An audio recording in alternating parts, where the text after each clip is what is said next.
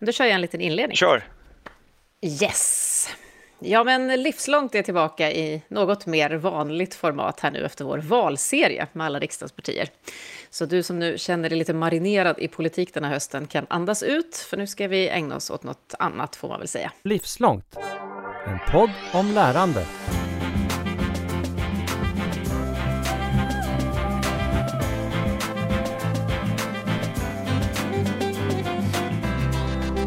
Idag är det med mig, Katarina Pietschak, och med en gäst som vi äntligen har med oss här i podden och som vi har längtat efter i det här samtalet. Yes. Jag har faktiskt själv ganska många gånger reflekterat kring vikten av de fritidspedagoger som alla mina barn har fått möta längs vägen. Det har varit så otroligt viktiga människor för dem. Och många stunder som vi som föräldrar också får ta del av. Och hur de har fått lära sig av det som vi ibland fortfarande, och som jag alltid utmanar, kallar för mjuka frågor. Alltså, alltså förmågorna de behöver som människor, sociala samspel, balans mellan kropp och hjärna och massa annat. Och det ska vi prata om i Livslångt idag med en riktig kändis får man nästan säga. Jag vet inte hur många poddar du har varit med i. Gustav Sund, välkommen hit. Eh, ingen aning, kanske 10, 20, något sånt. Men kändis är du mest för att du är lite känd om man följer såna här frågor. Du har över 30 000 följare på Facebook och massa gilla-markeringar på det du skriver och berättar där. Du är förstelärare i fritidspedagogik och eh, så har du då eh, verkligen nischat dig på skolgårdspedagogik och fått priser för det också. Årets lärare i Stockholms stad och Årets lärare i fritidshem och så. Och det du gör är att du håller på med, om man nu formellt säger någonting, strukturerad rastverksamhet som du också har skrivit böcker om. Ja, precis. Gjorde jag dig rättvisa? Hur beskriver du dig när du ska berätta vem du är? Eh, ja, alltså så här, trebarnsfar, eh, fritidspedagog sedan många år tillbaka, sedan 20 år tillbaka är det väl typ exakt, ganska exakt just nu. Och förstelärare i fritidshem, ja, och skolgårdslärare som en egen titel som jag har uppfunnit. Som jag, jag ser att folk, eh, jag ser ibland folk skicka på skoj så här, titta här, här söker de en skolgårdslärare. Så det är ju kul att man har gjort någonting. Det har spritt sig, begreppet helt enkelt. Ja, verkligen, verkligen. Mm. Um, nej, men det är väl så jag skulle kunna beskriva mig. Mm. Vi pratar ju ofta i den här podden om en resa, en livslång resa som tar en någonstans. Hur blev det fritidsverksamhet och pedagogik för dig för de här 20 åren? Vad tog dig dit? Ja, men det var lite bananskal. Uh, jag hade en tjej och vi bodde i en liten stad som heter Västervik och sen uh, skulle hon flytta och plugga i Västerås. Så då flyttade vi dit och jag sökte mig in till Örebro universitet och läste typ först kulturgeografi tror jag han knappt komma in på det tills jag bara, det där går inte, det verkar jättemärkligt sådär. Eh, så sneglade jag liksom på pedagogik, ja, men pedagogik verkar spännande. Så jag läste pedagogik A i Örebro. Det var ju sådana ögonöppnare liksom. Eh, och jag var kanske den minst tippade på att så här, plugga direkt efter gymnasiet, men det gjorde jag. Eh, för jag tyckte det var en spännande värld, liksom, den akademiska. Att, så här, wow.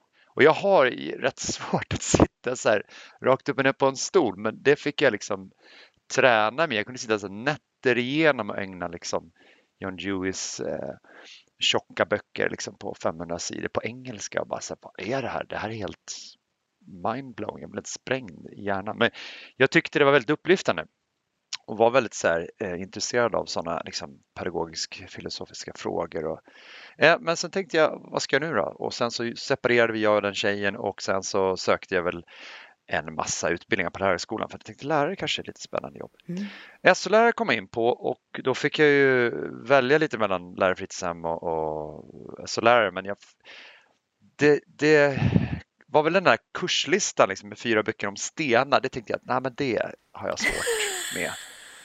Jag kan inte sitta rakt upp och ner och läsa fyra böcker om olika stenar. Men lärare fritidshem eh, och då var det lite så här, vad, man, vad hade jag för bakgrund? Jag gick ju på världens bästa fritids som var liksom tvåvåningshus eh, dit vi kom på eftermiddagarna med liksom en jätteball brandtrappa som de alltid sa, ni får inte hänga ner för när det var som en Batman eller Ghostbusters, eh, ni vet sån här brandtrapp liksom. Så ja. vi flög Ja, ja, sa ni och hängde. Ja, vi flög ner för det, ja, jämt. Men det var tre killar som jobbade där som var jävligt roliga och var väldigt utanför boxen sådär. En hade en, en Volvo, ibland hade vi tråkigt och då åkte ut och sladdade med Volvo på grusplaner. En hade en Jeep och vi åkte på olika, äh, alltså, vi gjorde väldigt mycket spännande saker liksom. Mm det var ju därför jag tänkte, fritids, just det, det var, jag gick ju på fritids och det var ju typ det bästa jag visste. Liksom. Um, nej men sen läste jag ju det, eller jag kan ju säga att jag sökte mig till Stockholm då, så, så jag pluggade här i tre år och sen så började jag jobba 2003. Uh, mm.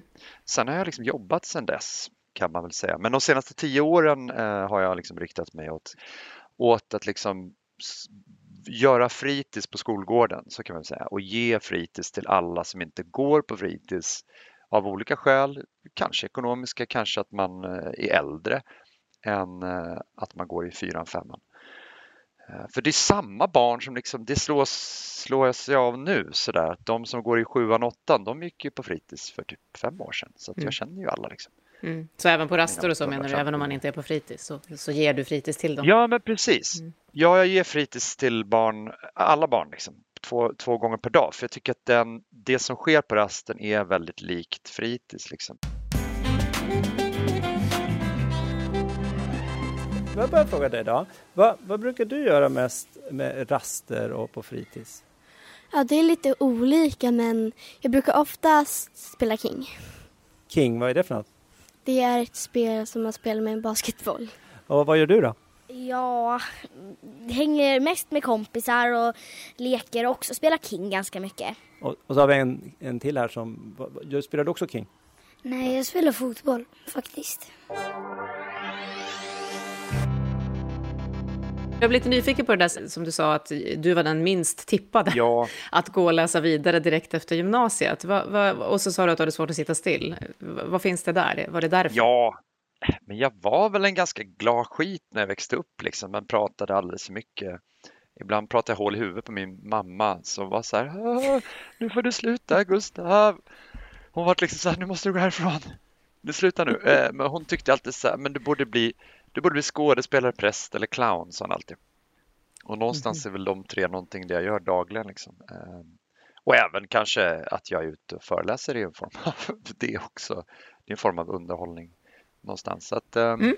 Ja, jag tänker att eftersom du då också, jag vet ju att du ägnar dig mycket åt rörelse, så kanske du också har fått med dig det här som du, som du själv hade i kroppen, det som splittrar i kroppen in i din pedagogik. Ja, alltså jag hittade ju, viktig del är att jag hittade ju skateboard faktiskt när jag var så 7, 8, 9 och det klickade ju liksom, det tog ju skruv liksom i mitt huvud. För man måste ha ett speciellt psyke, det är vissa människor som graviterar mot skateboard och, och det är någon slags outtalad grej att så här, vi har liksom bemästrat något som är helt stört omöjligt egentligen. Liksom. Och, och, ja, men jag har en kompis, han är ungefär lika gammal, han är 45-50 och han sa när vi åkte skateboard så han bara, när man inte slår sig när man åker skateboard då känns det inte som man åker skateboard och jag var ganska så här rädd unge som liten. Mm. Men mycket av min person kommer ifrån det och mycket av min självkänsla, mycket så här, man kan göra vad man vill liksom och man kan ta sig dit man vill och, och, det är viktigt med en fysisk självkänsla för då får man också en, en psykisk självkänsla. Liksom. Och, och, den här delen av barns lärande i deras lärande liv på skolgården, du som mm. skolgårdsläraren, du är ju idag på Glömstaskolan i Huddinge, ja. eh, som sagt. Och det är då fritids och raster. Va, vad är det för möjligheter till lärande som du har upptäckt i det, i den, det området, potentialen på skolgården? Nej, men jag ska vända på det. Alltså, det är ju tjänstefel att inte aktivt jobba med rasten på en skola för det är liksom 40 procent av barnens tid eh, där de bara släpps ut i ett vakuum eh, och sen ska bara, så här, de ska bara vara snälla med varandra och värdegrunden ska bara funka.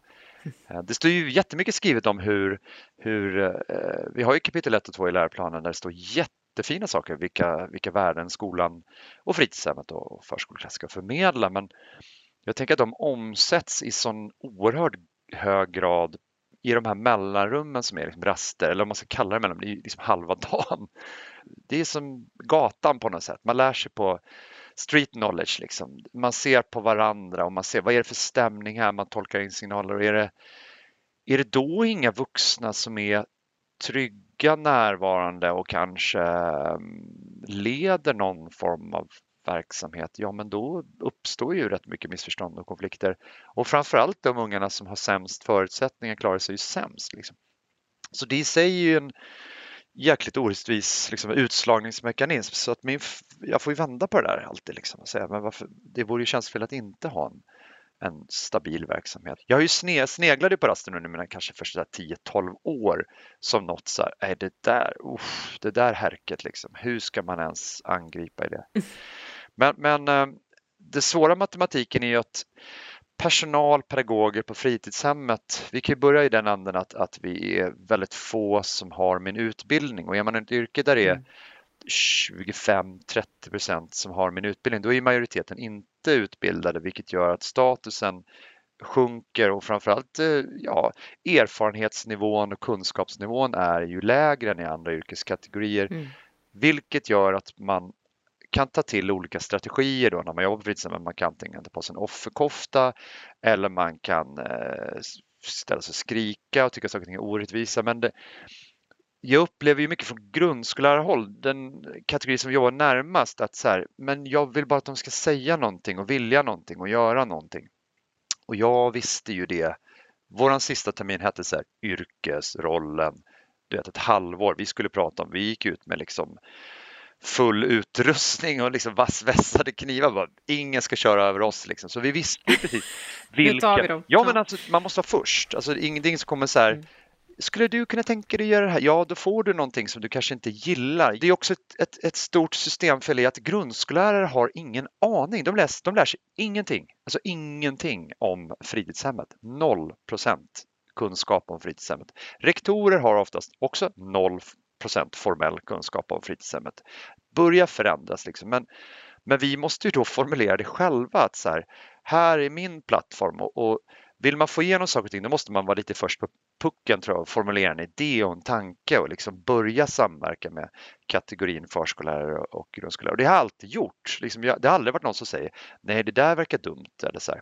Vi har alltid kunnat bolla. Jag tror att jag är ganska så här, alltid varit en omtyckt kollega för jag har alltid en klar plan. Så här, nio månader framöver ska vi bara... Skönt att hålla sig. Ja, men vi ska bara pyssla med det här nu. Jag, jag kommer ta en grupp, du tar en grupp, så jag, går vi ut i skogen och så gör vi det här. Och det är ju viktigt att man har som lärare i fritidshem tror jag, för att man är så liksom, eh, ja, anfallen från så många håll, eh, tror jag eh, mm.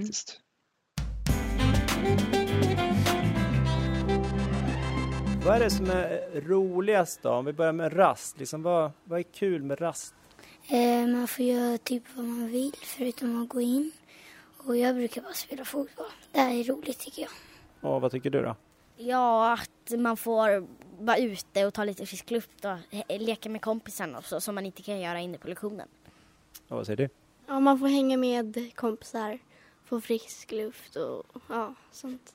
Eh, är det något du skulle vilja göra mer av som du saknar? Ja, men det var ju smashbollen. Bollen försvann, så nu kan jag inte spela det. Vad är smashboll? Det är en boll som sitter på en lina runt ett träd. Då ska man slå runt den.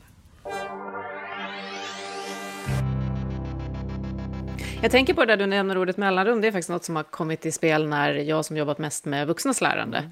Att man också ser att det sker mycket utbyte, erfarenhetsutbyte, lärande i mellanrum som inte är paus, mm. utan som är just mellanrum mellan en massa leveranser eller något i den stilen. Mm. Men att det är väldigt svårt att få plats med det. Kan du beskriva hur det här kan se ut? Du sa gå ut i skogen, men vad, hur kan det konkret se ut? Jag skulle säga att jag var nog en jävligt street smart unge och en ganska street smart vuxen. Jag är liksom duktig på informella sociala sammanhang, alltså jätteduktig. Och jag tror att jag drev nattklubb under också så tio år och där tog jag med en massa så spännande saker hur människor under alkoholpåverkan fungerar ungefär som barn.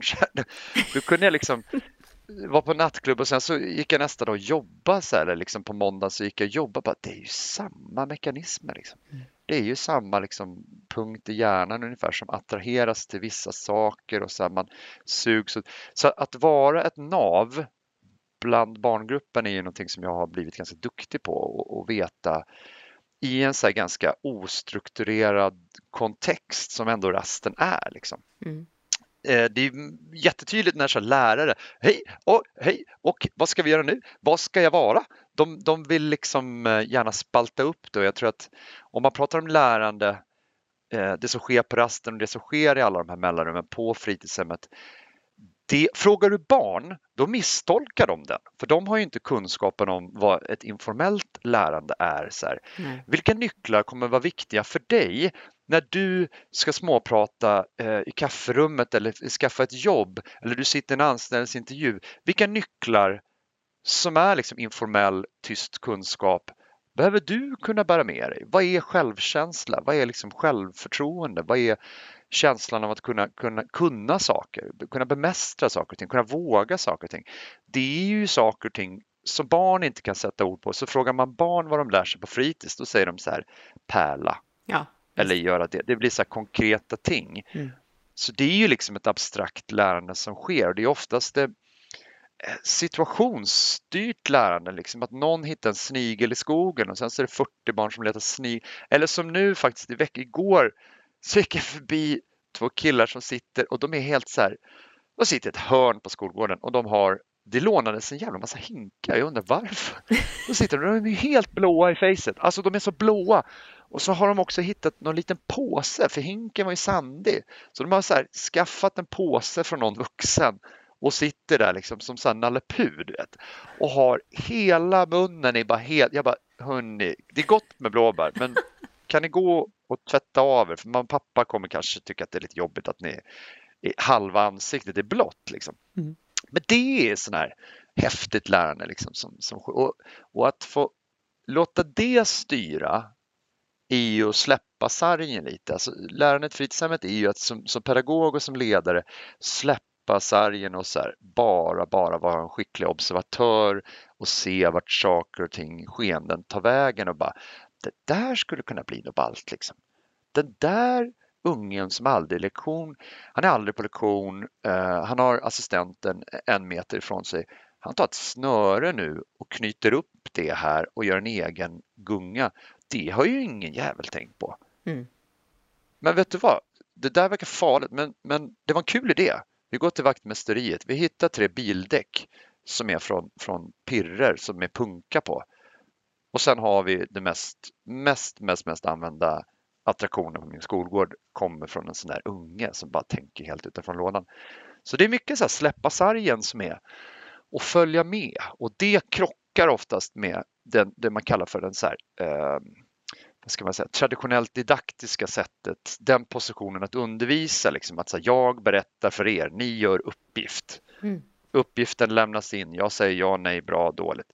Eh, vad ska vi lära oss nu? Alltså det, det, det finns en tydlig markant skillnad mellan det där. Och... Är du friare då än om du frågar en grundskolelärare till exempel? Har du en friare möjlighet att göra Absolut jag är liksom, jag har inga, jag är helt och hållet autonom i att, och det passar ju inte alla. Det är så det är. Alltså vissa, jag är i och för sig jättebehov av struktur. Min fru kallar mig för lite aspig och så här att jag är, du sitter på samma ställe i soffan och du vet så här, måste ha det på ett speciellt sätt. Och, men det är ju strukturer för att liksom hantera en, en tillvaro och, och, och, kommer man in i våran så här lånebod eller vad du än liksom pekar på med min skolgård, då, då, kan du skönja en, en, en supermedveten struktur i det för att det hjälper även den svagaste länken bland ungarna. Liksom. Eh, så att, men att, att flödet, det får flöda fritt, liksom.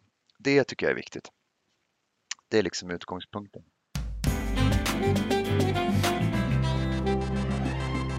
Är det viktigt att det finns här, olika grejer att göra? Om det bara fanns fotboll, vad skulle, hur skulle det kännas för dig? Det skulle, jag tycker fotboll är kul men det skulle inte heller vara så kul. Då skulle man liksom antingen kunna gå runt på en skolgård och ha tråkigt än bara spela fotboll. Så jag tycker det är jätteskönt att det finns flera olika saker att göra. Så har vi också en stuga där man kan låna saker där det finns jättemycket olika. Det finns hopstyltor och cyklar och så. Är det viktigt att det finns vuxna på skolgården som leder leken? Alltså jag skulle inte säga som leder leken utan lite mer så här som ser till så att alla har någon att leka med och som ser till att alla har det bra liksom. Så man inte blir helt ensam. Vad får du höra av barnen då, som, som liksom stärker dig i din uppfattning om hur viktigt det här är, det som du håller på med? De skriker ju ihjäl mig varje dag. Jag kan liksom inte gå över skolgården utan att det är 40 barn som skriker och vill någonting just då. Eh, ibland, ibland kommer de också liksom att banka på så här personalrumsdörren för att tennisnätet inte, det går inte att få upp tennisnätet riktigt som de ville. Det var faktiskt igår som var en av mina grundskolekollegor det är någonting som har hänt med tennisnätet. Jag bara, jag vet. De har fått i uppdrag att lösa det själva. medvetet. Så, att, så att, låt det bara säga att jag kommer om 12 minuter. Liksom.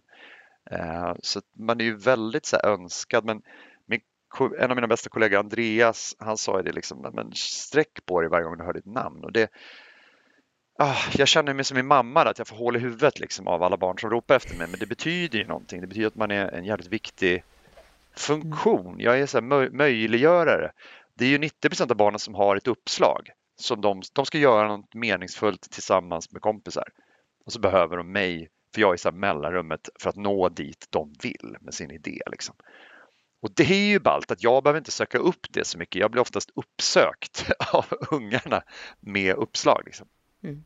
Vilket gör ju, men det är ju så här, vad är hönan eller ägget? Jag har ju alltid varit väldigt, eh, och det vet de ju om, det är därför de kommer till mig och ingen annan. Eller min kollega Julia. Vi har ju samma sätt att förhålla oss till barnen, eh, vilket är väldigt, väldigt, väldigt genompratat. Liksom, så, här. så vi lägger båda huvudet på sned och så här, berätta mer om det, fast det kan vara en helt urspårad idé liksom, med en linbana i skogen eller vad det nu är. Men vi har ett sätt att förhålla oss till ungarna att vi är genuint nyfikna på så här, problemlösning och, och, och skruvade idéer liksom, som barnen vill göra eller som de får för de har helt annat så här, fantasikapital för det har man som barn. Liksom. Det tar lite slut.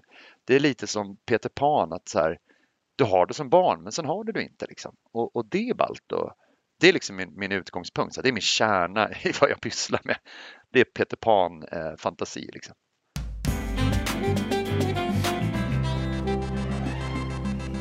Ensam bland ett hav av barn med sina föräldrar under skolgårdsfikat sitter pojken. Kollegorna är stressade, kakor och saft ska fixas, föräldrar ska pratas med. Ingen hinner riktigt se situationen, se det jag ser. Jag slår mig ner på stolen bredvid. Vi pratar en stund så som vi brukar göra. Jag hjälper till med orden som saknas. Syltkaka. Ah, syltkaka, jättegod. Sorgen i mitt bröst börjar sakta men säkert avta när jag ser lyckan i barnets ögon. Han har radat upp en mängd olika kakor framför sig och provar njutningsfullt dem, en i taget. Kanske är det mest ur mitt perspektiv det är orättvist. Kanske är det mest min känsla. Efter avslutningen går nästan alla hem med sina föräldrar. När jag går över skolgården är det ett fåtal barn jag möter upp på väg för att öppna låneboden. Jag rundar hörnet och möts av glada tillrop från pojken från avslutningsfikat. Kickbike, kickbike, kickbike. Jag öppnar dörren, fäller ner lånedisken och så börjar vi, som så många gånger förut. Jaha, då ska vi se. Vad vill du låna? Sen är det fest. Jag menar inte fest som i avslutningsfest där man har med sig sina föräldrar och fikar tillsammans. Jag menar riktig fest, lånefest deluxe. Min lille elev har till sin stora lycka upptäckt att han är nästan helt själv på skolgården. Ensam i en godisbutik på natten. Den känslan. Allt ska provas. Alla de där sakerna som brukar vara upptagna finns ju där. Jag kan återigen se hur det lyser av lycka i den lille pojkens ögon. Väl hemma börjar mina tankar landa. En enda elevs lyckliga lysande ögon. Om jag ska skala bort allt och bara välja ut en endaste sak som motiverar mig i yrket så är det exakt just det. Förmånen att skapa förutsättningar för barns inre lycka. Barnets lycka blir min lycka. Du skriver ju som jag sa både böcker och berättelser. Berättelser från skolgårdens lärande har du skrivit ja. och så poster då som jag nämnde. Och det är faktiskt inte sällan som det blir lite tårögd av att läsa de här. Det är meningen. det ganska nyligen skrev du i relation till skolavslutningen som handlade om att vara med och skapa förutsättningar för barns lycka. Barns inre lycka. Mm. Vad, vad, är det som händer med barnen när den här relationen uppstår, skulle du säga? Som kanske då du har mer tid för eller mer medvetenhet kring? Nej, men jag tror att det är min, och det spelar ingen roll, alltså fråga Ross Green eller vilken annan jättekänd skolforskare runt om i världen som helst så säger de egentligen samma sak. Liksom. Ruta 1A är liksom tillit och trygghet. Uh, Hattie, kolla på Hattie vad han skriver, liksom. tillit och trygghet till den, det är den största framgångsfaktorn i all form av undervisning. Så att det är ju inte så här, jag är ingen snubbe med en skön känsla för någonting, men, men lite det också, men, men men det är väldigt medvetet liksom, att jag är ju en professionell tjänsteman som, som har ett verktyg som jag aktivt använder och det är ju min egen kropp och mitt jag och min, min persona på skolgården där jag har hittat ett verktyg som ger störst effekt och det är att lära känna barnen utan och innan väldigt bra och, och, och att de känner att så här, han kan man gå till oavsett läge jämt, när som helst med sina tokiga idéer. Han kommer inte säga du, du är korkad eller du är dum utan han kommer nyfiket fråga. Eh, så då går jag till, till han nästa gång eller då går jag till han när jag tycker det är jobbigt eller då går jag till han när jag tycker det är svårt. Eller så här att ha ett väldigt öppet fönster mot alla ungar och få dem att känna sig så här, men jag är världens eh, bästa lilla person. Det är också det, att vara lite som eh, men, känd festfixare kan man känna. Alltså så här, någon som får en att känna sig väldigt, väldigt, väldigt, väldigt speciell. Liksom. Mm. Svårt att sätta ord på det där, men jag tror jag förstår vad jag menar. Men de ska känna sig lite exklusiva, alla barn. Liksom. Det är väl min ambition, att de ska känna sig väldigt betydelsefulla mm. och viktiga. Liksom. Och då blir ju jag betydelsefull för dem. Det där är ju liksom ett samspel mellan mig och, och ungarna. Jag tänker också på att du beskriver att, du säger ja, att ni säger ja först, eller ja, berätta mer ja. eller så.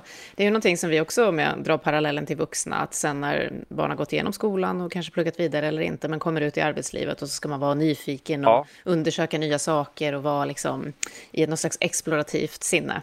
Och att det kan bli svårt för att man har fått... Vänta nu, du menar alltså att alla förmågor som är beskrivit att jag jobbar med är eftersökta i arbetslivet? Jajamän, Aha. om de är just nu. Och de är svåra för att många är då skolade i det här instruktiva, eller hur man nu ska uttrycka det då. Ja. Och då undrar jag lite, den här grunden för det livslånga lärandet som du då är med och bygger, hur kan vi ta vid den? Hur kan vi göra så att det inte blir ett glapp och ett gap, så att det finns med resten av livet ännu mer? Alltså jag vet inte, jag tror man behöver båda, men jag, har ju bara, jag kan bara tala utifrån mig själv, att jag vet väldigt väl att det är en komplex eh, både samtid och framtid som barnen går till mötes där det krävs liksom förmågan att tänka om, tänka nytt, tänka kreativt, tänka helt eh, långt ifrån lådan. Liksom. Eh, det är det som eftersöks. Liksom. Flexibla hjärnor som kan säga, men vi borde göra så här, vi kastar det där och tänker det här.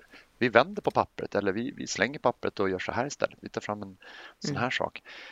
Uh, och sen också relation, alltså det kommer ju aldrig aldrig, aldrig, aldrig bli en dålig kunskap att, att kunna vara en person som är, är skicklig socialt, eh, tänker jag. Och duktig på att lyssna in och duktig, liksom, har en bra empati, empatisk förmåga. Mm.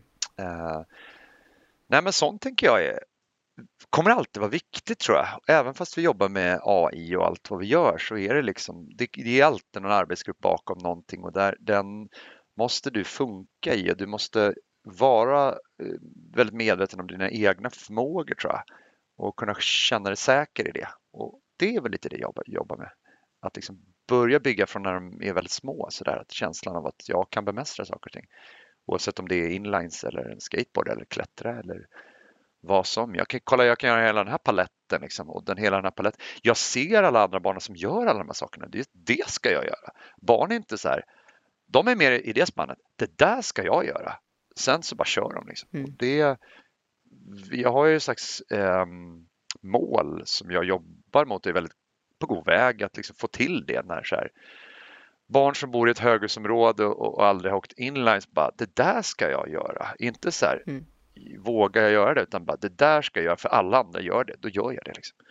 Eh, och skapa en sån norm, liksom, det tycker jag är viktigt.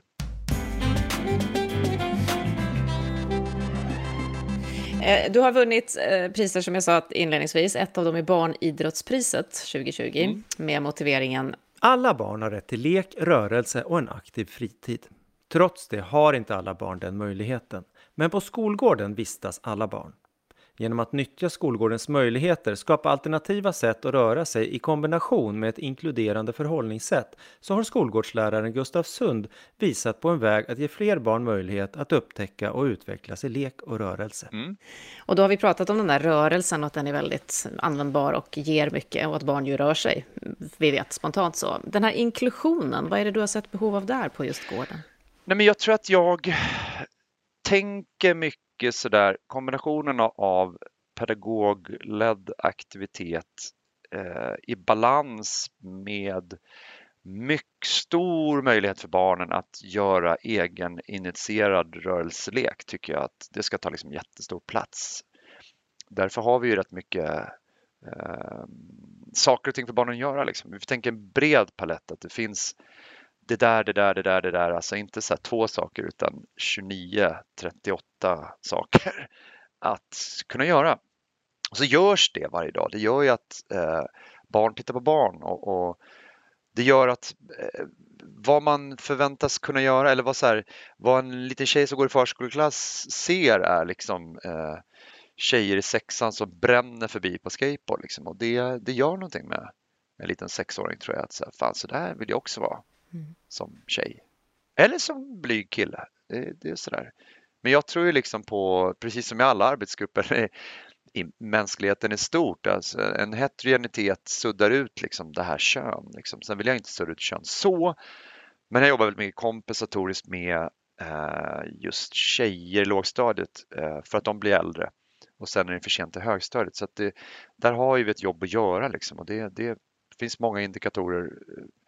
Framförallt Gisela nere i Skåne som gjorde en sån här rörelsestor liksom, undersökning. Och de som rör sig mest är pojkar i lågstadiet. De som rör sig minst är tjejer i gymnasiet. Det är så här, 7% som når liksom dagligt mål i gymnasiet. Det är ju liksom katastrof.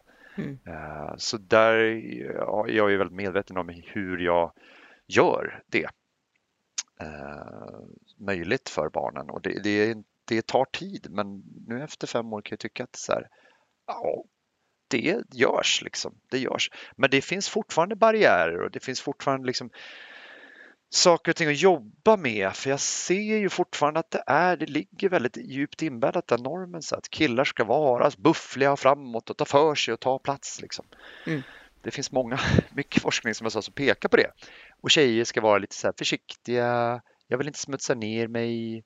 Jag sitter hellre här. Jag är nära fröken och jag tänker ju att det där behövs ju också, men de behöver ju också liksom bara ut och köra.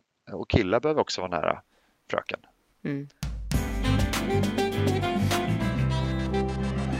Är det olika vad killar och tjejer gör? Jag vet inte om det är en känslig fråga, men jag kan ändå ställa den. Är det liksom uppdelat?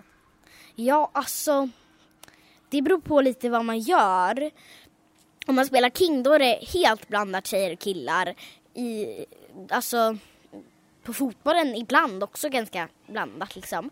Men det är ju mest så att det är liksom om man om, som du sa innan att det bara skulle finnas fotboll, då tror jag det skulle vara väldigt mycket mer uppdelat som att det är det här gör tjejer och det här gör killar liksom. Att, för det är ju mest kär, alltså jag vet inte hur man ska säga det, men tjejgäng och killgäng liksom. Så det är mer så här tjejer som går runt i en klump och killar som går runt i en klump. Men det är också lite blandat.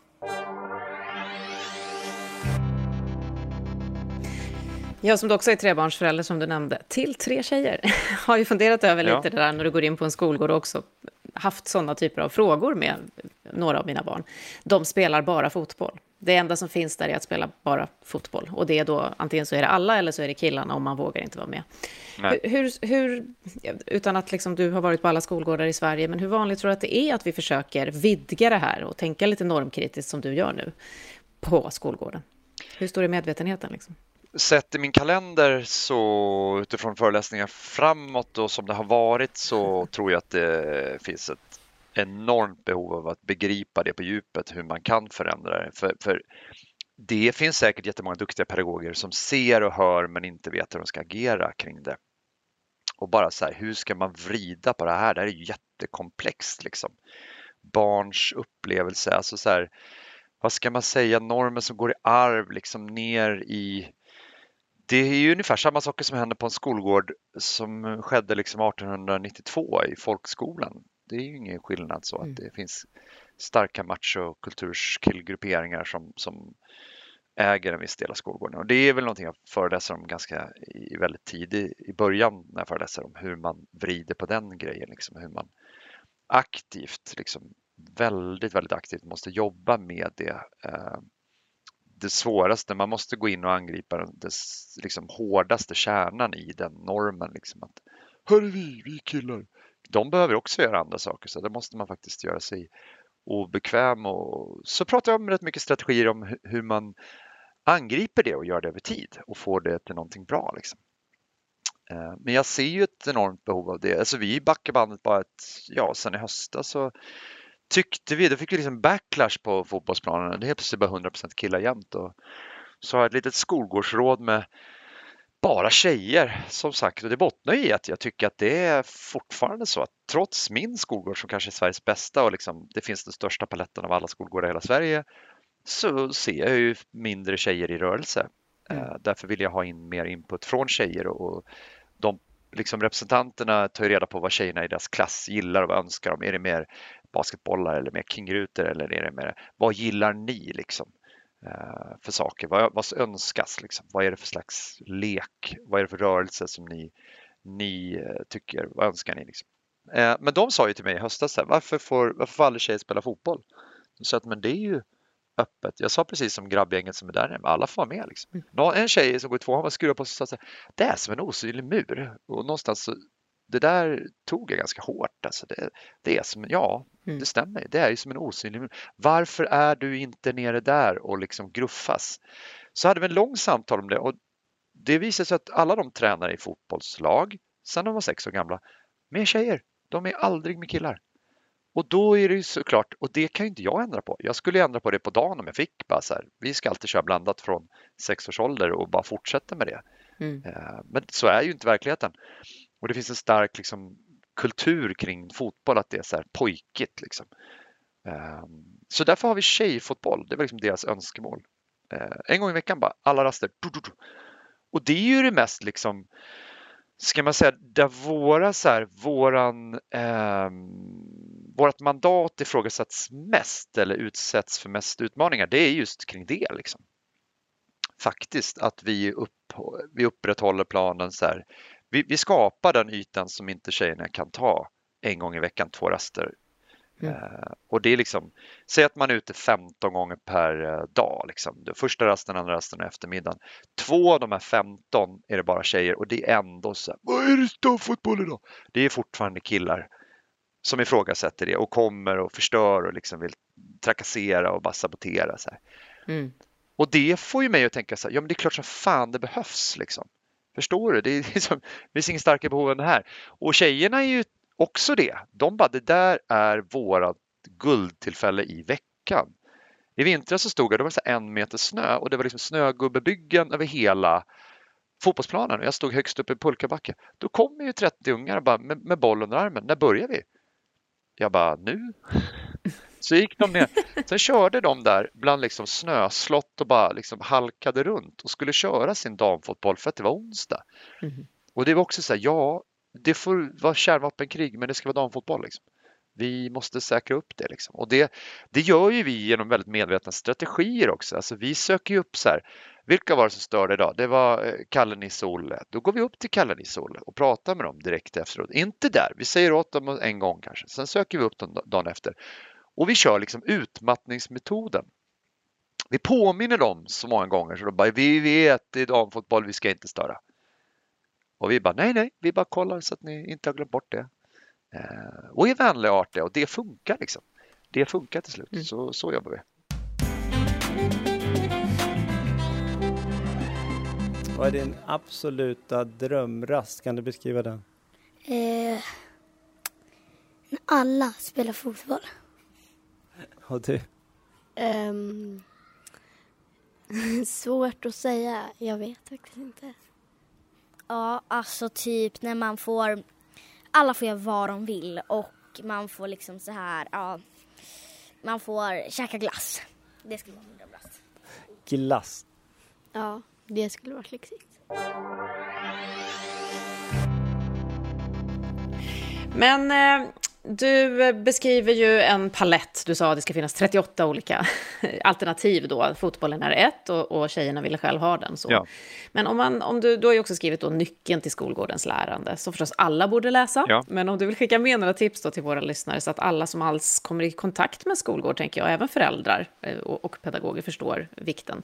V vad är det som man behöver erbjuda för att det verkligen ska bli den här inklusionen och bredden och pedagogiken på gården? Allt står i boken är mitt enkla svar, men, men ehm, men för att dra... Några, några Ja, men lite sådär. Eh, man måste ju börja liksom observera och göra en nulägesanalys. Det är liksom ruta 1A. Så här, vad är behoven just nu, här och nu i våran skola här i Sölvesborg eller vart man nu är belägen. Det är liksom första, vad, hur ser behoven ut? Vad behöver vi jobba med här? För det kan ju skilja sig jättemycket.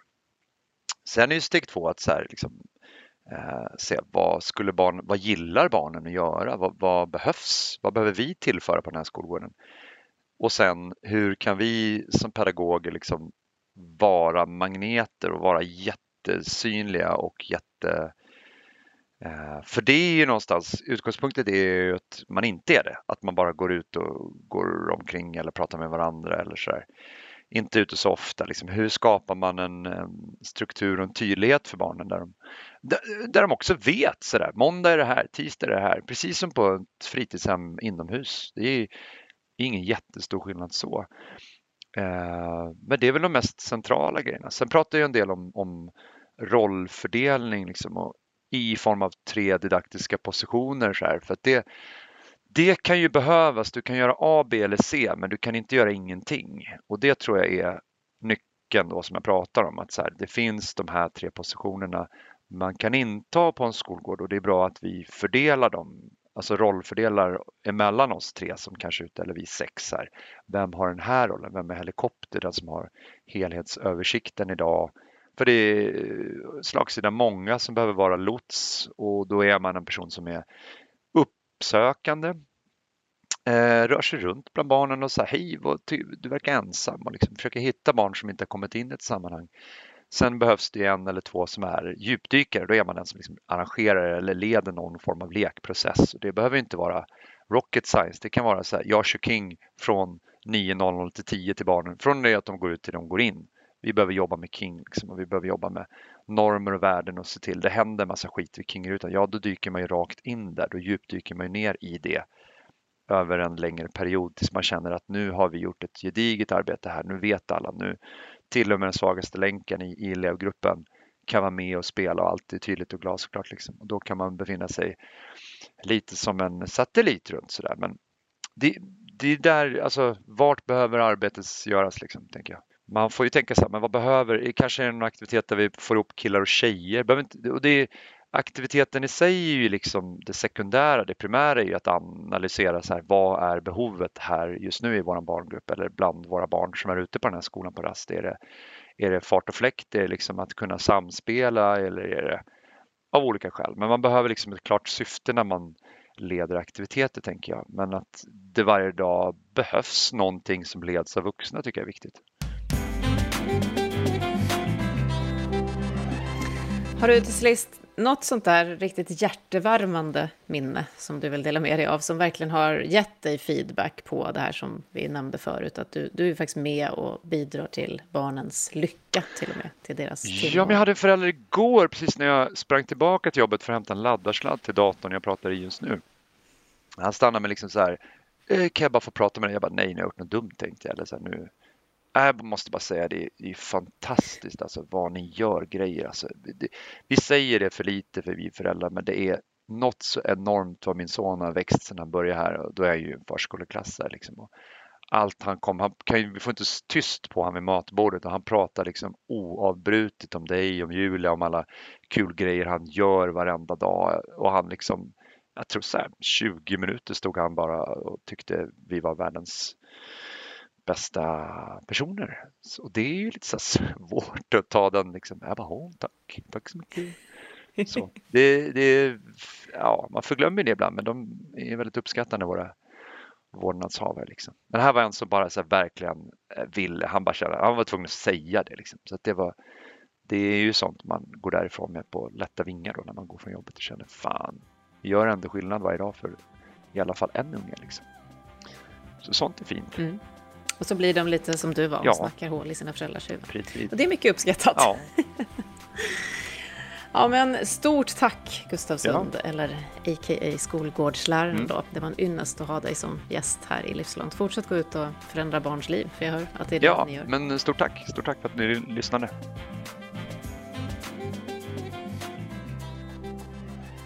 Och livslångt reporter på skolgården var Jonas Edlund.